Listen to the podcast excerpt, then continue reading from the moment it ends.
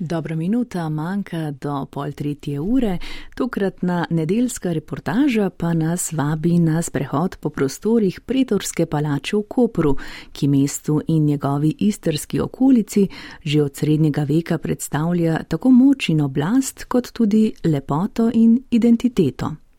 Postavljena je na južno stran Titovega trga in skupaj z drugimi zgodovinskimi stavbami sestavlja srce in dušo našega največjega obalnega mesta.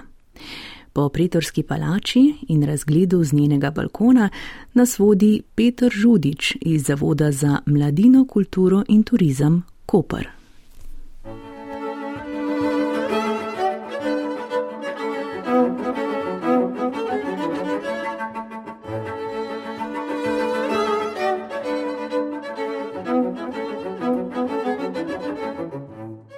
Vselej so bile v tej palači eh, najpomembnejše mestne funkcije.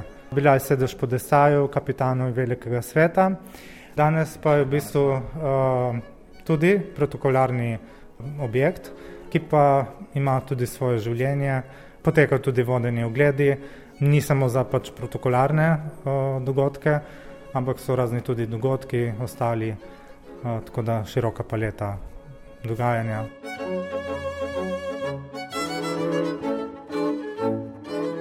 Bila je postavljena v 13. stoletju, v sredini 13. stoletja, konc 14. stoletja je bila požgana, tudi uničena strani genovežanov in kasneje v 15. stoletju so ponovno rekonstruirali, obnovili in je v bistvu v taki obliki, kot je približno poznamo danes. Iz same zunanjščine se lahko vidijo različni stilni stilna obdobja, skozi katere je bila zgrajena palača in sicer skozi gotiko, renesanso in barok. To predvsem se vidi od eh, teh ošiljenih oken, pa pokrožnih oken, razlika med temi stili. Značilnost same palače so stropovi, v vsakem prostoru so drugače poslikani tramovi, stropovi. Poleg tega značilnost same palače so tudi tla, teraco venecijano, pavimento alla venecijana, Žal ni no-, nobenih podatkov o tem, kakšna so bila tla nekoč. Obstaja le en vir enega pisatelja, ki je omenil v svojem delu, da so bile tla v barvi opeke, tako da na ta način so to tudi um, obnovili.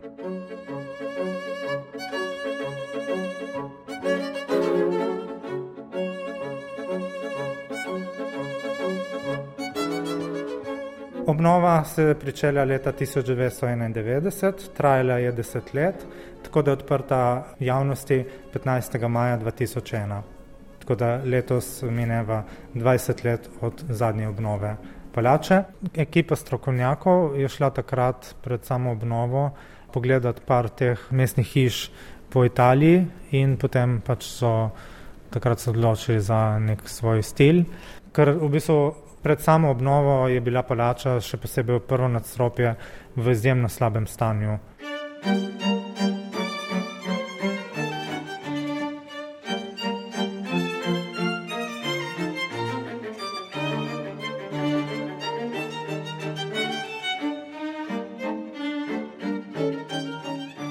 V samem pritličju se nahaja uh, turistično-farmacijski center ki smo ga v bistvu po 20. obletnici od same obnove palače letos eh, tudi dodatno prenovili, eh, vdahnili druge vsebine, um, namenili prodajni kotiček z tipičnimi istarskimi izdelki, koperskimi izdelki. Kot zanimivost lahko še dodam, da v 70. in 80. letih v samem pritličju je delovala znana uh, ribe restauracija imenovana Capris, kamor je tudi zahajal maršal Tito in pa tudi Fidel Castro je bil ravno tukaj, v teh prostorih.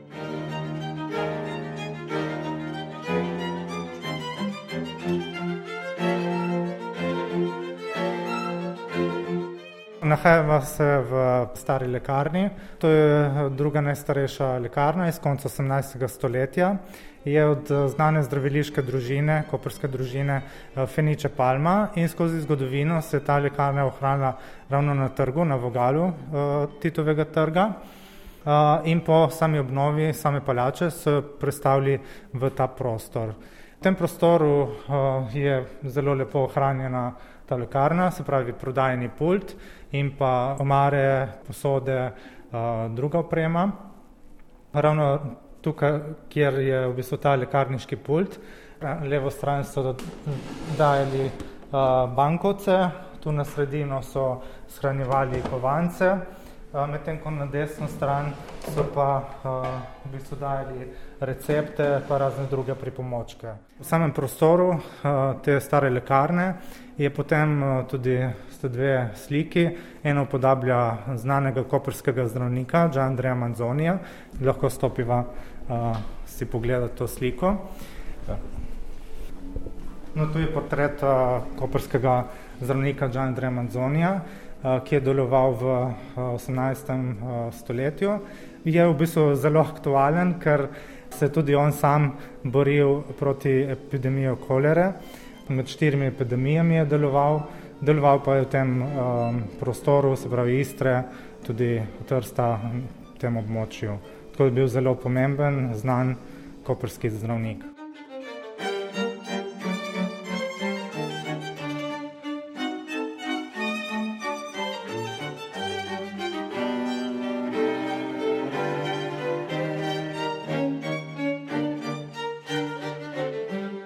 No, po poti do Piano Nobile, do prvega nadstropja, svečanega nadstropja, sva šla mimo tudi stare železne avstrijske blagajne iz šestnajstega stoletja. zgodba pravi, da ta železna avstrijska blagajna je bila najdena na ladji Rex, se pravi luksuzna potniška ladja, ki je potonila med Koprom in Izolo ob koncu druge svetovne vojne. Ampak žal pač ni nobenih konkretnejših podatkov, informacij, to je pač ena od zgodb. Ampak žal smo malo prepozni, ker je blagajna prazna. Poleg tega zraven je tudi upodobitev, replika grba Meduze. sama legenda o nastanku Kopra pravi, da naj bi se božanstvi Atena in Meduza bojevali in pač v tem boju je Ateni padel ščit v morje in od tega naj bi nastal tudi takratni otok Koper, ne. zato tudi upodobitev grba Meduze, od koder naj bi tudi izviralo trenutno, trenutni simbol, se pravi sonce, grb Kopra.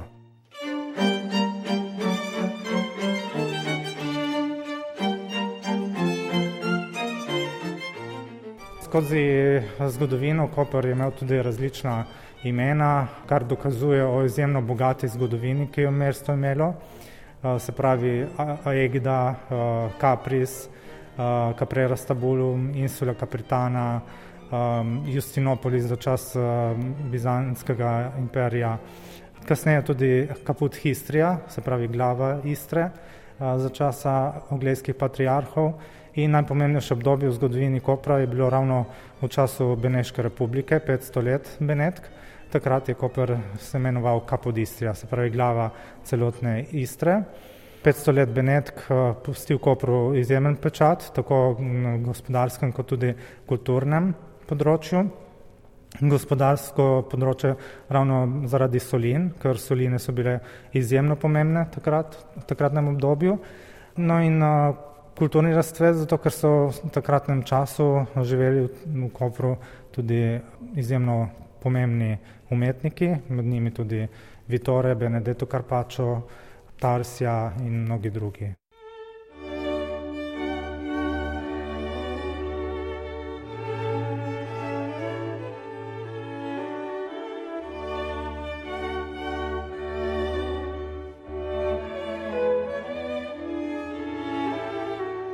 Sedaj se nahajava v poročni dvorani, svečanem nadstropju Piano Nobile, kjer se ob sobotah odvijajo poroke, civilne. se pa odvijajo tukaj tudi razni drugi dogodki, ne samo poroke, razni literarni večeri, razna srečanja, tako da je kar pestro. tukaj lahko vidimo dva izjemno lepa lestenca iz muranskega stekla, narejena, tudi ti stranski so iz muranskega stekla.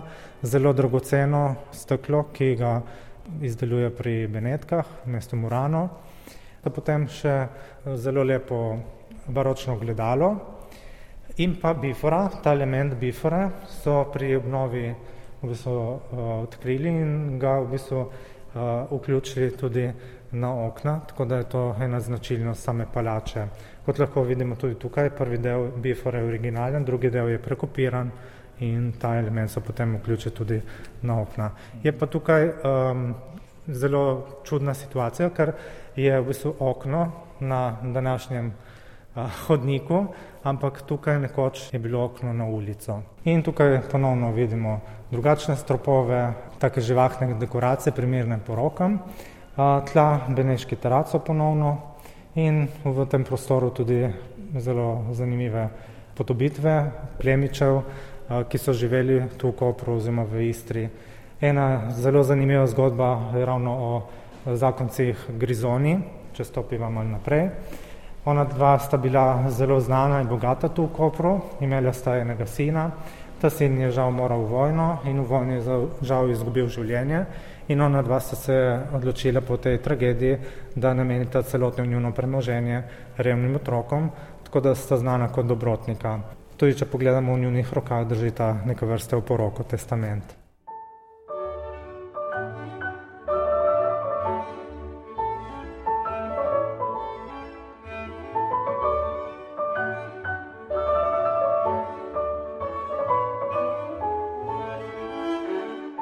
Podestaje je kot neka vrsta župan bil takrat, ne, ki so bili pač uh, izvoljeni um, za kratko obdobje, tako da v sami palači so se pol uh, razvrščali. Ne.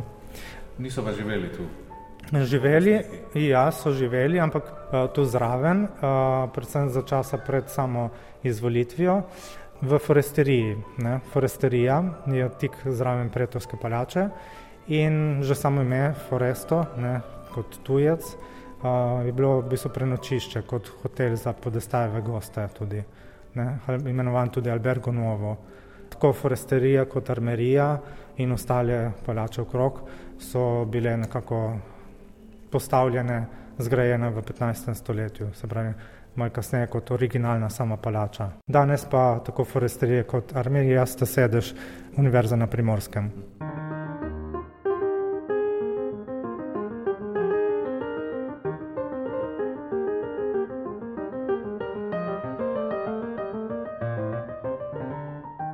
Zdaj pa lahko stopimo naprej do salona. Tako, tukaj se nahajamo v salonu, ki je nekako predsoba županove reprezentančne sobe in odkuder se ponuja izjemno lep uh, razgled na uh, eden izmed najlepših trgov daleč naokrog. Na samem trgu se nahajajo najpomembnejše znamenitosti v samem mestu se pravi na levi strani foresterija in armerija, nasproti loža, na desni strani pa stolna crkva Marinega vnebovzetja in pa koperski zvonik. Loža bila tudi zgrajena v 15. stoletju. Zgrajena je v tipičnem beneško-gotskem slogu, kar se vidi tudi iz teh ošiljenih lokov. V njej so se zbirali, srečevali plemiči, koperski in so razglabljali o pomembnih zadevah v samem mestu. Kasneje, v sredini 19. stoletja, so odprli um, kavarno, tako da to je ena izmed najstarejših kavarn v Sloveniji, Cafe Lodža.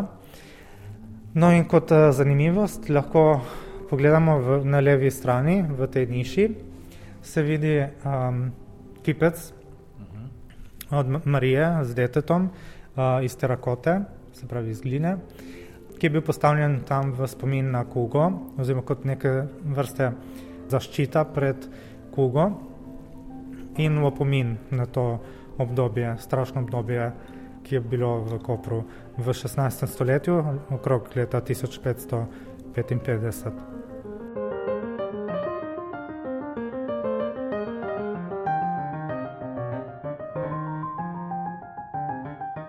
Če omenimo še stolno crkvo, ki je ena izmed največjih v Sloveniji, nekako zgodovina sega v 12. stoletje, konec 12. stoletja, ko se je takrat v Kopru oblikovala škofija. No, in če pogledamo Um, recimo fasado je bila zgrajena iz različnih stilov, se pravi, spodnji del v tipičnem beneško-gotskem stilu, zgornji del pa v tipično renesančnem stilu. Notranjost pa je bila barokizirana, se pravi, spremenjena v ta baročni stil v 18. stoletju od znanega beneškega arhitekta Đorđa Masarija. Notranjost hrani izjemna dela, tudi Vitora Karpača in Benedeta Karpača. Poleg tega tudi kamnit sarkofag svetega Nazarija, ki je koperski zavetnik, zaščitnik. In odkudar se vidi tudi nad glavnimi vhodnimi vrati, tudi njegova freska.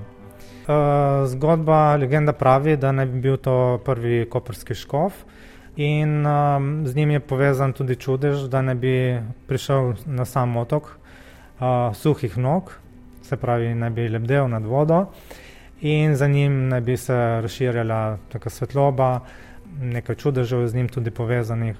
Tako da od 14. stoletja dalje se praznuje zavetnika svetega Nazarija, on pa naj bi se rodil okrog leta 524 v Borštu, uh, nedaleč od Kopra.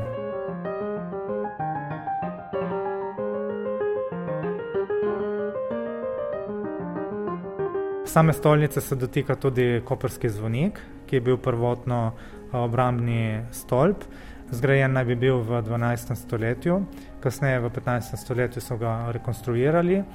Se pravi, liturgično funkcijo je prevzel nekako od 15. do 17. stoletja, se pravi, upravlja to funkcijo zvonika, prej kot omenjeno kot obrambni stolp.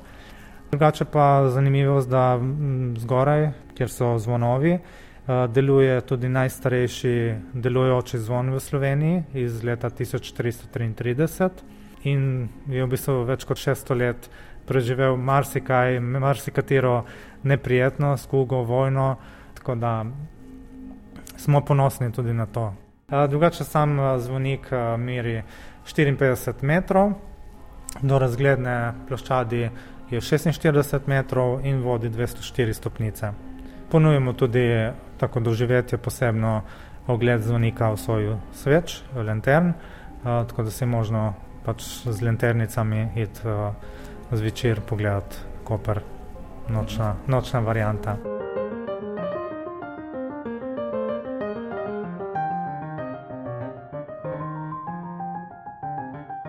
Skozi zgodovino je trg imel različna imena eno prvih Platea Comunis za času Beneške republike, potem kasneje tudi Il Duomo, no in od leta 46, 1946 je pač prevzel ime Titov trg, ki ga pač nosi še danes. In še ena zanimivost, um, ravno tukaj ali pa iz zvonika se vidi, poteka okrog samega trga tudi taka bela črta.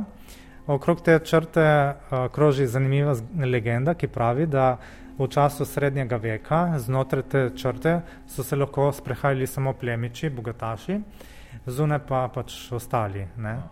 No, ampak danes smo v demokraciji in pač se lahko sprehajamo po celem trgu. Po črti. Brez, po črti, izven ali pa znotraj.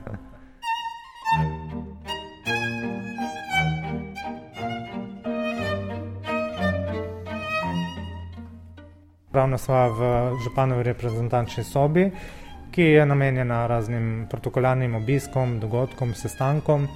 Gledava sliko. Tako, Koper je bil otok, um, okrog otoka je bilo mestno obzidje, tu je 12 vrat. Glavna so še danes vidna, vrata Muda. No in je bil v bistvu speljan tudi od samega otoka do celine.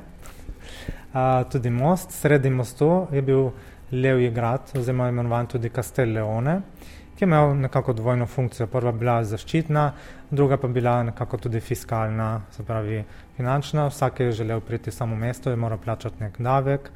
Uh, ta davek se je imenoval Dacio oziroma Muda, od to tudi ime uh, vratom Muda, potem davku. Ne.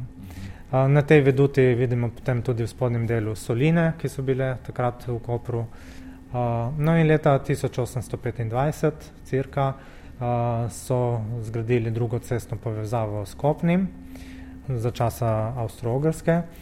Postopoma uh, za časa kraljevine Italije so opustili soline, so jih presušili, tisto območje in um, se tudi bonificirali, se pravi, nasulo z zemljo, z materialom, zato se imenuje tudi tisti del Kopra Bonifika. Ne. To je drugače kopija, original jo hrani muzej, eh, pokrajinski muzej tu v Kopru, original pa ne bi izviral iz uh, leta 1700.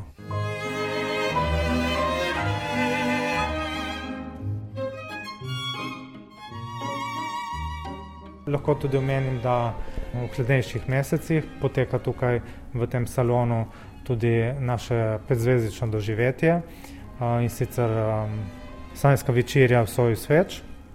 Sicer v toplejših mesecih izvajamo na balkončku same pretovske palače, tako da je res čudovit, ekskluziven pogled na celoten trg. Gre za v bistvu butično doživetje, za dva, maksimalno do štiri osebe um, se pravi z ekskluzivno ponudbo in to je tudi neka posebnost.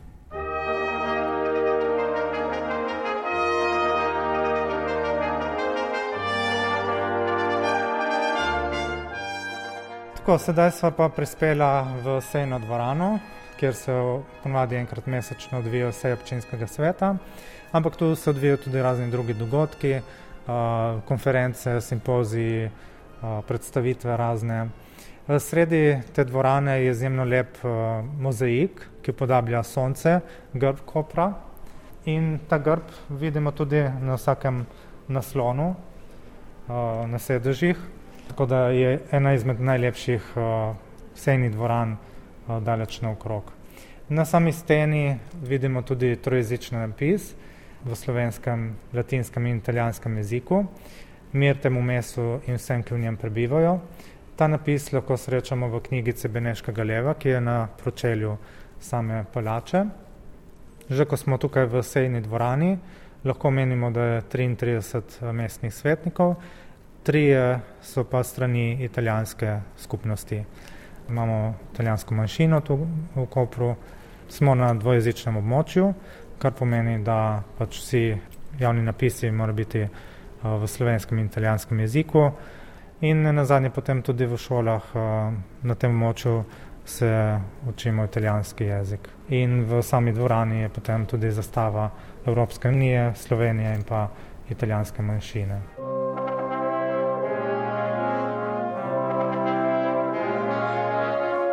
Če pogledamo ponovno stropove, so drugačni od predhodnih. Ne?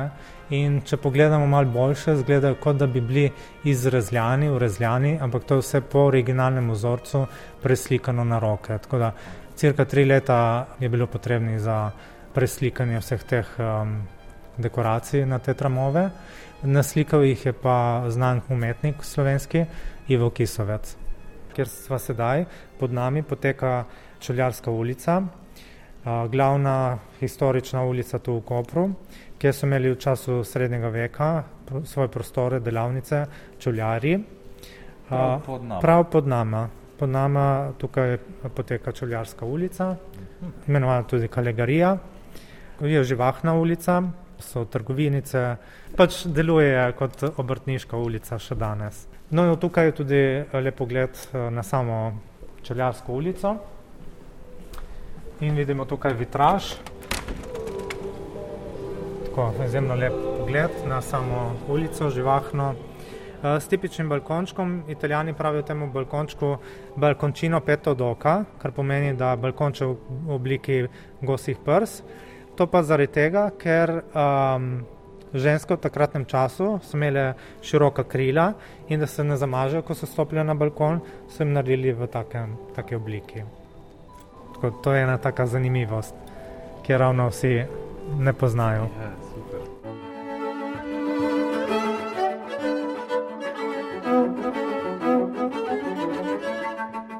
Koprčani smo ponosni na sam trg in na vse, kar je pač ga obdaja, ne, na to tudi bogato zgodovino in jo skušamo tudi ohraniti za naprej.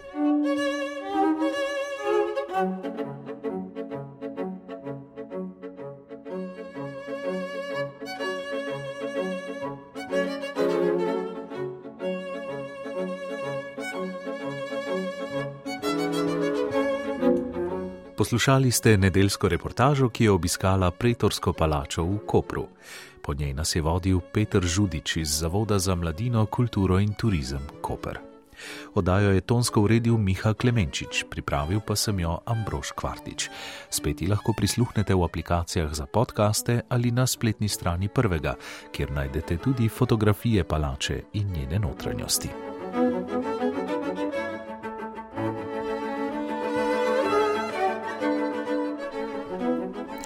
To je bila današnja nedeljska reportaža, ki je tokrat nastala v Kopru.